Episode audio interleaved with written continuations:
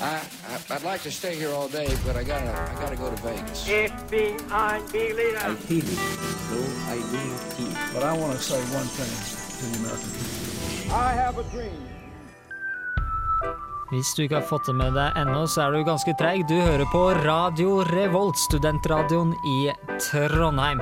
Dette her er Globus, Radio Revolts utenriksprogram, og vi skal geleide deg gjennom eh, ukas store politiske og utenriksnyheter.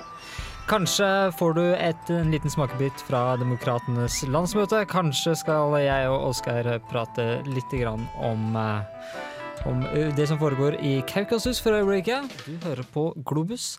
Jeg heter Sigmund Grønli Bolme. Med meg i studio så har jeg Oskar Kjetland Rabben i dag. Hallo. Vi skal høre seinere litt grann fra Knut også. Han har eh, tatt for seg Demokratenes landsmøte. Og eh, Demokratenes landsmøte må jo kunne sies å være minst like stort show som det republikanernes landsmøte var. Ja, som eh, amerikanske landsmøte, partilandsmøte flest, så er det jo et eh, teater uten sidestykke, kan man vel si. Mm.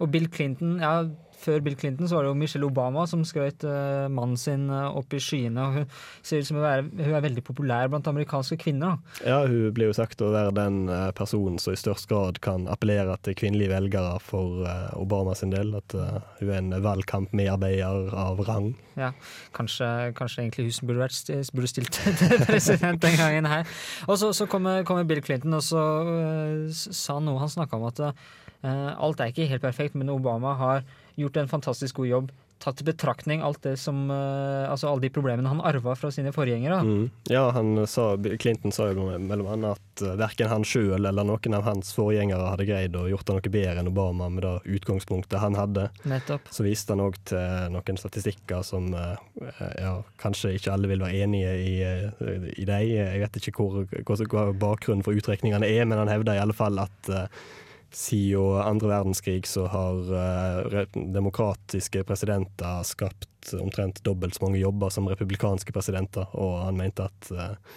med Mitt Romney bak roret de neste fire årene, så vil jobbskaping og søkke til det, det han kalte det vanlige republikanske nivået, altså langt under det demokratiske nivået. Ikke sant.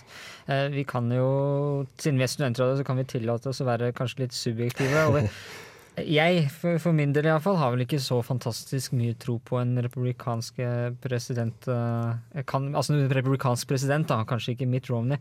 Jeg sitter med en følelse Han er, han er mangemillionær, og jeg lurer på det, tror jeg det er mange amerikanere som stiller seg det spørsmålet også, hvorvidt han er i stand til å så eh, føle de problemene på kroppen som vanlige amerikanere føler akkurat nå. Da. Ja, det kan du spørre om. Det var jo Clinton inne på i talen sin. Han sa annet at eh, Mitt Romney han ville ha et samfunn der du eh, står helt for deg sjøl og må eh, du, du har muligheten til å komme deg opp og fram, men hvis du ikke gjør det, da har du et stort problem. Eh, samfunn hvor, det, hvor de ressurssterke vil bli mer ressurssterke, nettopp. Eh, det her er faktisk et tema i Australia for tida, fikk du med deg det? Nei, det er ikke Australias rikeste kvinne, jeg tror nummer tre av verdens rikeste kvinner, hun arva jo eh, Jeg husker ikke akkurat navnet hennes, gruveselskapet av faren sin. Mhm. I Australia, mangemilliardær. Tjener noen milliarder i timen, tror jeg nesten det. Gikk ut og sa at nå fikk vanlige fattige folk ta seg sammen. det var deres egen feil. Ja, Og det er klart man skulle betale lite skatt. For det var jo altså nettopp. Spesielt i Folk hadde skyld i det sjøl hvis de var fattige. De trengte jo bare å jobbe hardt. ja, Hvis du har arva verdens største gruveselskap, Jeg tror ikke jeg er den eneste som Eller du er den eneste som, som peker på ironien her. Eh, men det er altså da det samfunnet som, eh, som, som noen ønsker seg, du, du ser jo hvorfor de altså, Faen, hvis jeg hadde hatt ti millioner Nei, ti milliarder i banken, så hadde jeg kanskje ønska meg et sånt samfunn, jeg òg. muligens du blir vel forma av eh, oppvekstvilkårene dine og da du har greid å skrape sammen sjøl. Ikke sant. Eh, litt raddis i, i Globus i dag er vi, men det syns jeg vi skal få lov til å være. Eh, nå skal du få lov til å høre på Knut Aashammers take på Demokratenes landsmøte eh, 2012.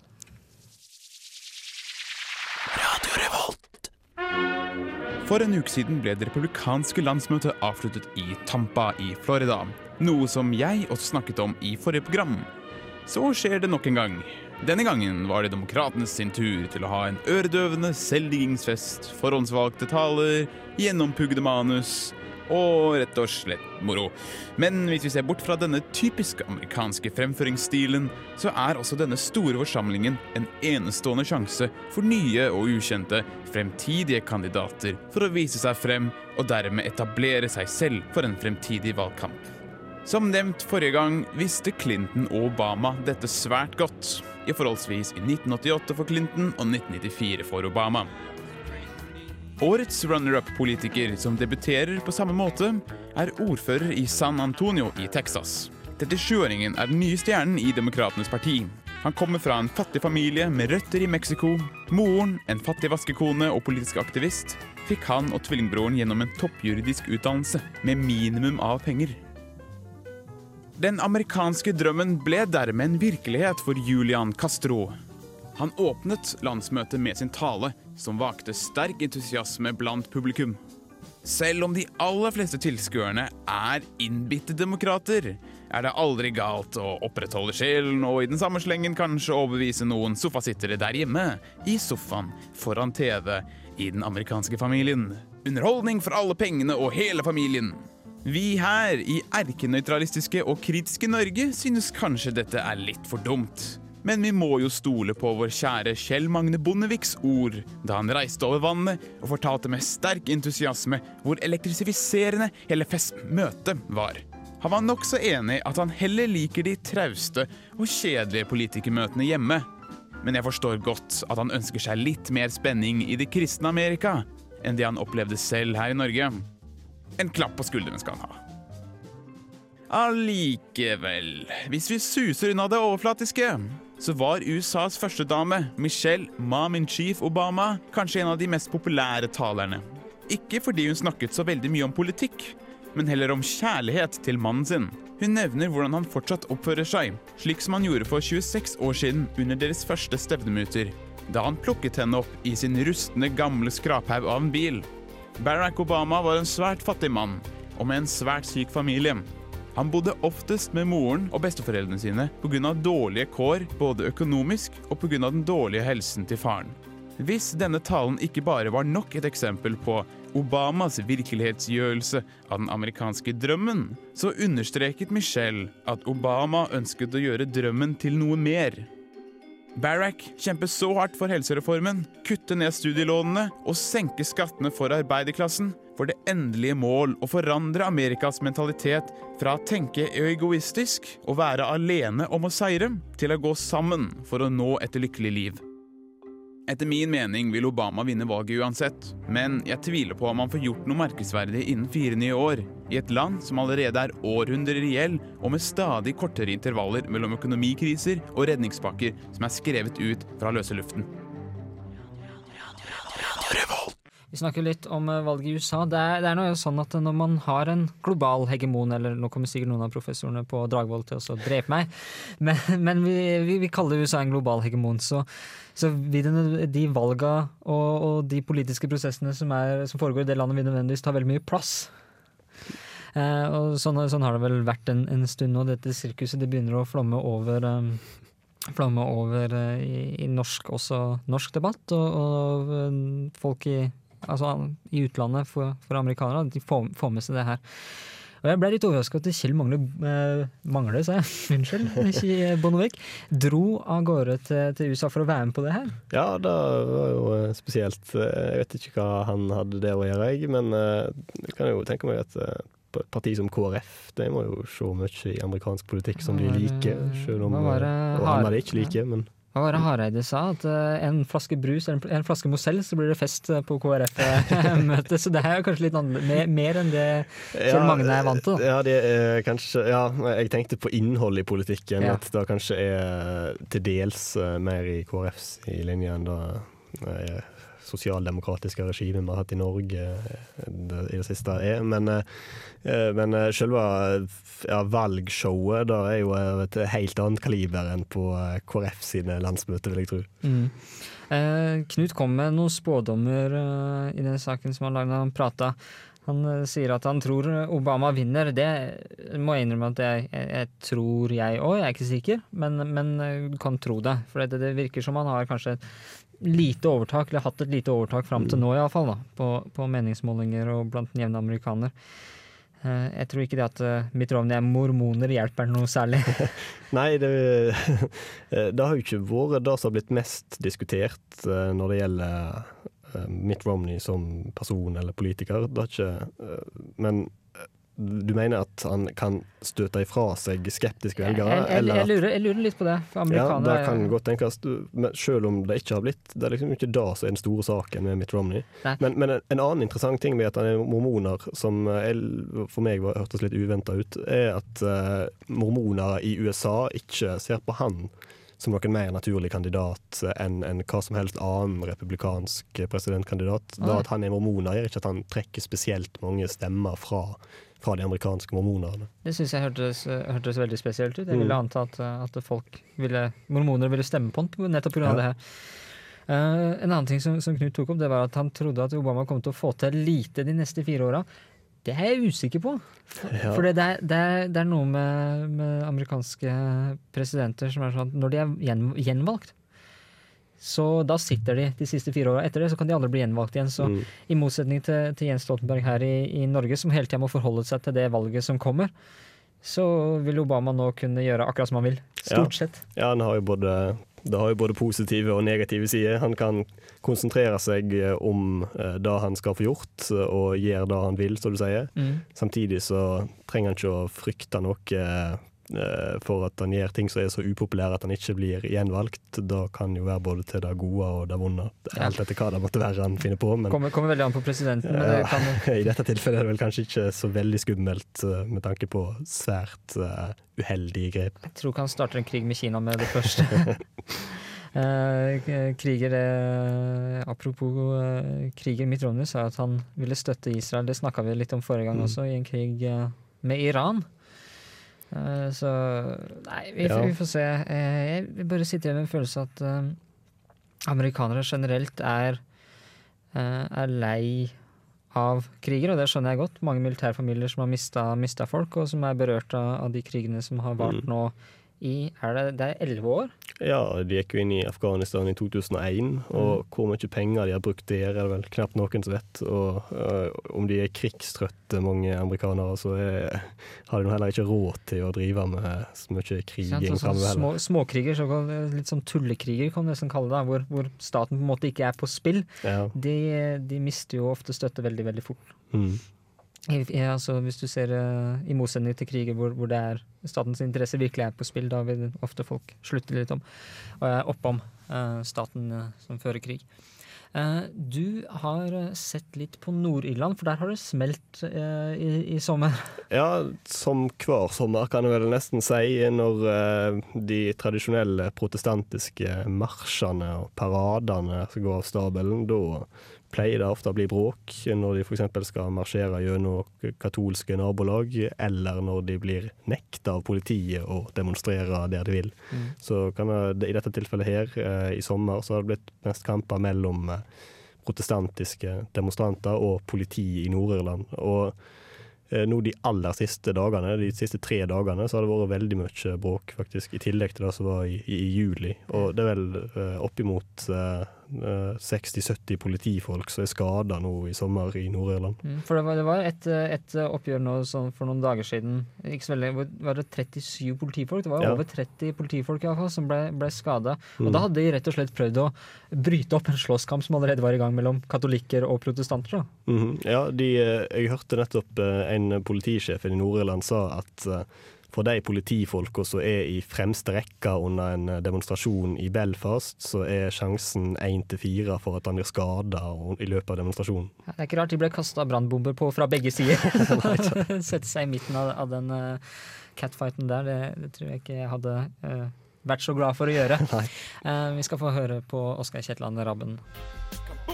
This is Jabba Man bigging up all the gang them looking hot and ready and sexy. You're listening to Radio Revolt in Atran MCT. Yo, you know we're doing it. Lock it up. Boom!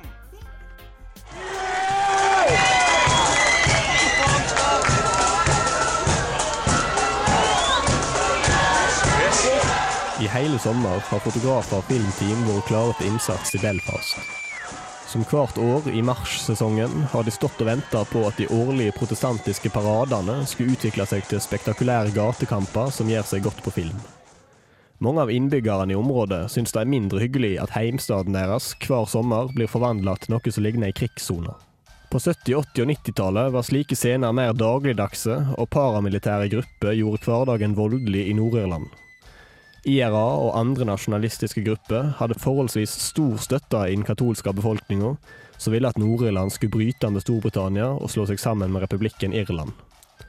På den andre sida sto lojalistiske grupper som Ulster Defence Organisation, bestående av protestantiske nordirer, som over sine lik ville ha noen sammenslåing.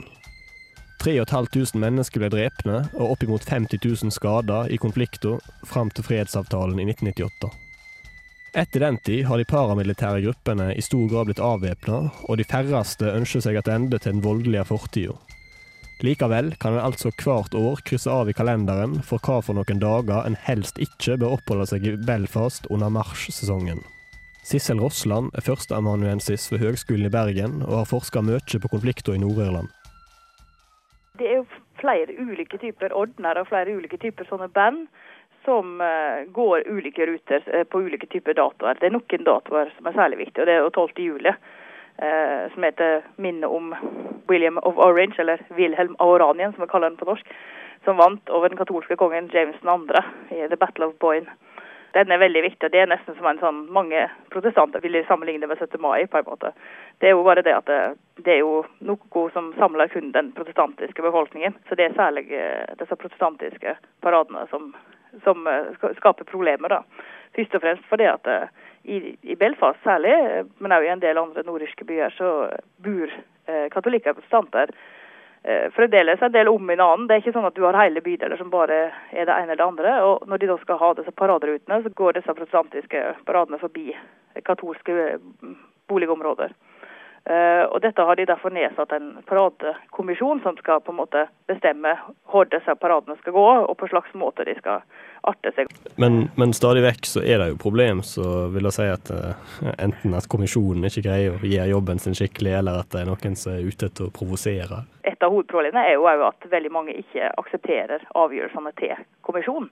Så de bryter disse avgjørelsene. og Det var jo det som bl.a. skjedde nå for noen dager siden når, når, et band insisterte på å gå en rute som de ikke hadde i utgangspunktet hadde fått lov til. Og Det er det mye av. da, og Det blir ikke bedre av at enkelte sentrale ledere i Democratic Unionist Party, som er partiet som har førsteministeren, en sentral politiker der sa at han mente at det lå ikke egentlig noe vondt i disse, disse bruddene på Paradekommisjonens avgjørelser. Han mente at sett i, i lys av så dramatiske disse avgjørelsene til Paradekommisjonen hadde vært, så måtte man kunne ha forståelse på en måte for reaksjonene. Eh, og Dette har jo skapt en del eh, reaksjoner òg, fordi at, at en etablert politiker sier dette, blir det mange oppfatta omtrent som man opp, oppfordrer til å bryte Paradekommisjonens anbefalinger. Da. Og det, Paradekommisjonen er en sentral institusjon og en del av, av fredsprosessen i, i Nord-Irland, så det er problematisk hvis etablerte politikere underminerer legitimiteten til den. Uh, ja, vil da si at samfunnet er veldig polarisert fortsatt i Nord-Irland? Selv om det er 14 år siden fredsavtalen ble inngått? Uh, ja, det, er både og på en måte. For det er klart mange, mange deler av Nord-Irland er veldig polarisert fremdeles. og Det illustreres bl.a. av at eh, mange av de der såkalte fredsmurene som er bygd opp mellom ulike boligområder, heller har blitt flere enn færre faktisk etter fredsprosessen. Også. Men samtidig så er det, det er veldig store forskjeller på de forskjellige områdene. Og, og jeg vil nok si det at overordna så har nok sekterismen blitt svekka, er mitt inntrykk i Nord-Irland. Altså den uh, motsetningen mellom katolikker og protestanter. Uh, og det at du har hatt noenlunde fungerende, stabile styringsinstitusjoner, har, spiller rolle. Og du har fått et politi som i økende grad iallfall har legitimitet i hele befolkningen og, og, og, den type ting. Så skal en kanskje ikke generalisere bare ut ifra de hendelsene. da, for dette, selv om de får en del støtte og det blir store gatekamper, så er det ikke gitt at det de har støtte i befolkningen, og, og, ting tyder på at de, de, absolutt ikke har det generelt sett. da. Så, så på en måte så Iallfall de sekteriske holdningene som blir ytra i disse, disse kampene som har vært nå, eh, tror ikke jeg er gjengs eh, for Nord-Irland i det hele tatt i dag. Nei, Hvem er det da som står bak eh, angrep på politiet og den slags nå i sommer, som hver sommer? Er det, er det gamle paramilitære ledere som organiserer, det, eller er det rotløs ungdom som ikke har noe annet å gjøre på, som er ute og slåss med politiet i gatene? Eh, jeg tror på en måte kanskje det er begge deler. Mitt, mitt inntrykk er vel at eh, en del av dette er organisert og delvis styrt fra eks-paramilitære, særlig da på den lojalistiske sida. Det du har er folk som har vært involvert i ganske mye kriminalitet og den type ting. Og at de får med seg yngre folk fordi at de er misfornøyd med situasjonen, kanskje ikke har arbeid og bor dårlig og opplever eller føler at eh, de katolske delene eh, får mer penger, mer støtte og mer oppbygging enn det de, de spesielt de der protestantiske arbeiderklasseområdene gjør. Klart at Den økonomiske krisa gjør ikke situasjonen bedre. og det i en, i en situasjon etter en konflikt, sånn som i, i, Nord-Irland nå, så er det kritisk på mange måter når du får en sånn vanskelig økonomisk situasjon. For det, at det, det, er- det er folk, eh, stadig flere arbeidsledige, eh, det blir vanskeligere med velferdsordninger. eh, Ulike områder blir på en måte forslumma på en eller annen måte. Og det er problematisk. Mm, så det vil egentlig kunne bli verre òg i året framover, hvis den økonomiske situasjonen eh, blir stadig verre? Ja, altså det er vanskelig å si, for det kommer litt an på hvordan de politiske lederne greier å takle dette. selvfølgelig. Men det er klart at det, altså i og med at det ikke nødvendigvis dreier seg om veldig mange til enhver tid, så, så vil det jo kunne dukke opp senere. Det er ikke sånn at det vil forsvinne over, over natta. Det, så lenge det finnes noen som er villig til å prøve å, å sette dette i gang, sant? så kan på en måte relativt få òg lage relativt mye bråk, da, for å si det sånn. Eh, Oskar har prata med en, en historiker, er det det hun var? Ja. Mm. Eh, om Irland, og eh, eh, hun så ikke ut som hun så så veldig svart på deg, egentlig, på tross av Nei, eh, nei. disse demonstrasjonene som har vært i sommer. Mm, Ja, hun mener da at er, i dag så er de aller fleste i Nord-Irland mest opptatt av at de vil ha fred, og ikke eh, i det hele tatt har noe ønske om å vende tilbake igjen til eh, den tida med bråk som var for noen tiår siden. Mm. Da eh, ser det på som et tilbakelagt kapittel, men så er det da noen få som eh, enten har veldig lyst til å drive med voldelige handlinger, eller eh, lyst til å oppsøke slåsskamper og den slags, Mm. pluss noen som eh, som hun nevnte her, som eh, syns frihetsprosessen ikke har medført det de så for seg, og som derfor ønsker å fortsette den voldelige kampen av eh, de samme ideologiske årsakene som tidligere. Mm. Det, er, det er et fenomen eh, som eh, man noen ganger kan observere, det at idet en gruppe blir kanskje marginalisert, blir gjort mindre, eh, mister politisk eh, Altså or, vanlig politisk eh, makt og gjennomslagskraft, da, så vil de kanskje bli mer ekstreme, de få medlemmene som fortsatt står igjen. Kanskje at det kan være, eh, være, en, eh, være aktuelt å si i denne sammenhengen òg. For det er, det er fortsatt eh, grupperinger igjen som er avskallinger fra det tidligere IRA, som Mm. i sin tid hadde flere tusen i sine rekker av eh, hva skal si, våpenføre menn. Mens i dag så er det et par hundre eh, personer som enten er gamle IRA-medlemmer, eller så er unge arbeidsløse menn som eh, som eh, skal du si, enten lar seg lokke eller er lette å påvirke da, til å bli med i den slags eh, organisasjoner. Ja, For det, det er vel en kjensgjerning som vi bare må ta inn over oss, at uh, unge menn uten, kanskje uten så veldig gode prospekter, da, og uten uh, så mye å uh, henge fingra i, de vi ofte ty til vold og til ekstreme politiske altså meninger, da. Ja, en ser jo da i, når det er økonomiske krisetid, uansett hvor de er hen, så, så er det mye lettere for at det blusser opp igjen akkurat denne type konflikter som dette her, Mm. eller at eh, ekstreme politiske partier får stor oppslutning. Etniske og religiøse konflikter. Det er veldig lett Mm. å, å gå til de, da. Ja. De, de gamle konflikten, konfliktene, den gamle fienden. Ja, når, eh, når det er ressursmangel, så søker en naturlig mot si gruppe den de en stoler på, og da kan fort de en ikke stoler på, bli fienden. Mm. Og i et samfunn som Nord-Irland så har jo veldig klart definert hva som er de gruppa, og da blir de andre fort de skumle og de farlige. Mm. Eh, vi, og det, vi hørte i saken også at det er ikke de beste økonomiske tidene. Ikke, ikke for England generelt, men, men ikke for eh, Nord-Irland. Og Irland har det vel nesten enda verre. Ja, der har de jo eh, hatt eh, store problem i lengre tid. Nå Mm. eh, er det jo eh, oppe og går igjen til dels, men Delvis. De har vel fått, fått støtte også fra Storbritannia. ja, Det må ha svidd litt grann for, for å gi dem til, til Ja. bankvesenet. Da, da må det ha. Nå var det jo presidentvalg i Irland i, tidligere i år. Da var det faktisk en tidligere, ja, Martin McGuinness, tidligere IRA-leder fra Nord-Irland, som, som blant, var blant presidentkandidatene. Han eh, lå lenge på meningsmålingene nokså likt med tre- to-tre andre som eh, Kniva om ja, plassen. Ja, mm. men så til slutt så var det ikke han som ble valgt, da. Men han, eh, han har jo en karriere bak seg som politiker i Nord-Irland òg. Og eh, hvis vi skulle eh, sammenlikne de politiske systemene i de to landene, så er de veldig forskjellige. Voldsomt. En, uh, I Nord-Irland så hadde de fram til 73 det samme politiske systemet som i resten av Storbritannia. De hadde et uh, lokalt parlament og det valgsystemet vi kjenner, med én mann fra hvert valgdistrikt som er valgt inn til parlamentet. Det førte til at eh, den befolkningsgruppa som var i, i eh, flertall, fikk rent flertall i Ja, parlamentet. for alle mm. Mhm, Sånn som vi kjenner fra Storbritannia, at det er flertallsregjeringer med ett parti. Og Mm. det førte til at det største protestantiske partiet vanligvis fikk rent flertall. Det var jo med på å føre til de hatske holdningene fra mange katolikker mot protestantene. Ja, det First past the post-systemet er ikke det absolutt beste hvis du har en veldig vid etnisk eh, eller religiøs eh, gruppering i, i, en, i et område. Nei, så da har de ordna på nå.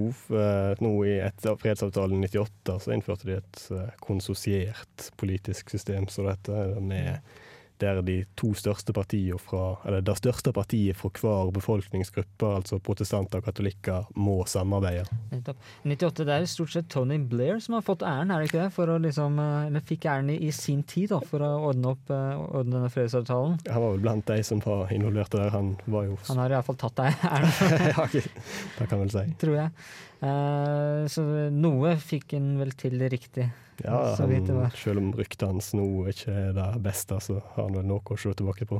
Ikke sant? No, noe, noe som han fikk til. Så skulle han prøve å lage fred i Midtøsten. Det tror jeg er en litt tøffere nøtt å, knekke. Det bomma han litt, tror jeg. Ja. Ja. Uh, snakker om Midtøsten. Det er jo ikke her er ikke akkurat Midtøsten, men det er jo ikke bare i Irland at det, det er separatister. Nei. Eh, det er jo ikke så lenge siden russiske politifolk ble drept i Hva var det den eh, Da var det Ingusjetia i dette tilfellet. Ligger eh, rett vest for uh, Tsjetsjenia. Mm. Og ja, for det er en region som har vært veldig eksplosiv. Ja. Eh, egentlig helt siden før Putin tok makta i Ja. år 2000. Helt siden Sovjetunionens fall, omtrent. Mhm. Så de har jo en viss sammenheng, de fleste konfliktene der. Eh, Hvis en ser på historien til området, da, så er grensene For det første er grensene mellom statene som utgjør det tidligere Sovjetunionen. eh, De aktuelle i, den i, i Kaukasus-området er jo da Russland, Armenia, Aserbajdsjan og Georgia. De ble trukket opp av Stalin på 20-tallet, da han fikk ordre fra Lenin om å trekke opp linjene mellom delstatene i Sovjetunionen. Ja. Ikke på en sånn måte at det skulle bli lett eh, for eh, Lett den dagen unionen skulle gå i oppløsning. Det var jo selvsagt ikke tankene, men det var, skulle gjøres sånn at det skulle bli vanskeligst mulig at unionen skulle kunne gå i oppløsning. Mest mulig konflikter mellom folkegruppene og Spille folkegrupper opp mot hverandre og eh, ja, sette grenser strategisk fra, fra den synsvinkelen de hadde da, med med mål å bevare unionen, og da kan en jo si at de har greid. Det å sette folk opp mot hverandre, det er vel noe av det Stalin har på, kan ha på CV-en sin. Han er Ja, relativt ekspert på det. Doktorgrad i å gjøre det. Ja. Eh, Han var jo også fra Georgia, så Ja. vi kunne tro at han kjente dette området ganske godt når han eh, gjorde dette, denne jobben. Ja, han, eh, det var blant annet derfor han ble satt til denne oppgaven. Mm.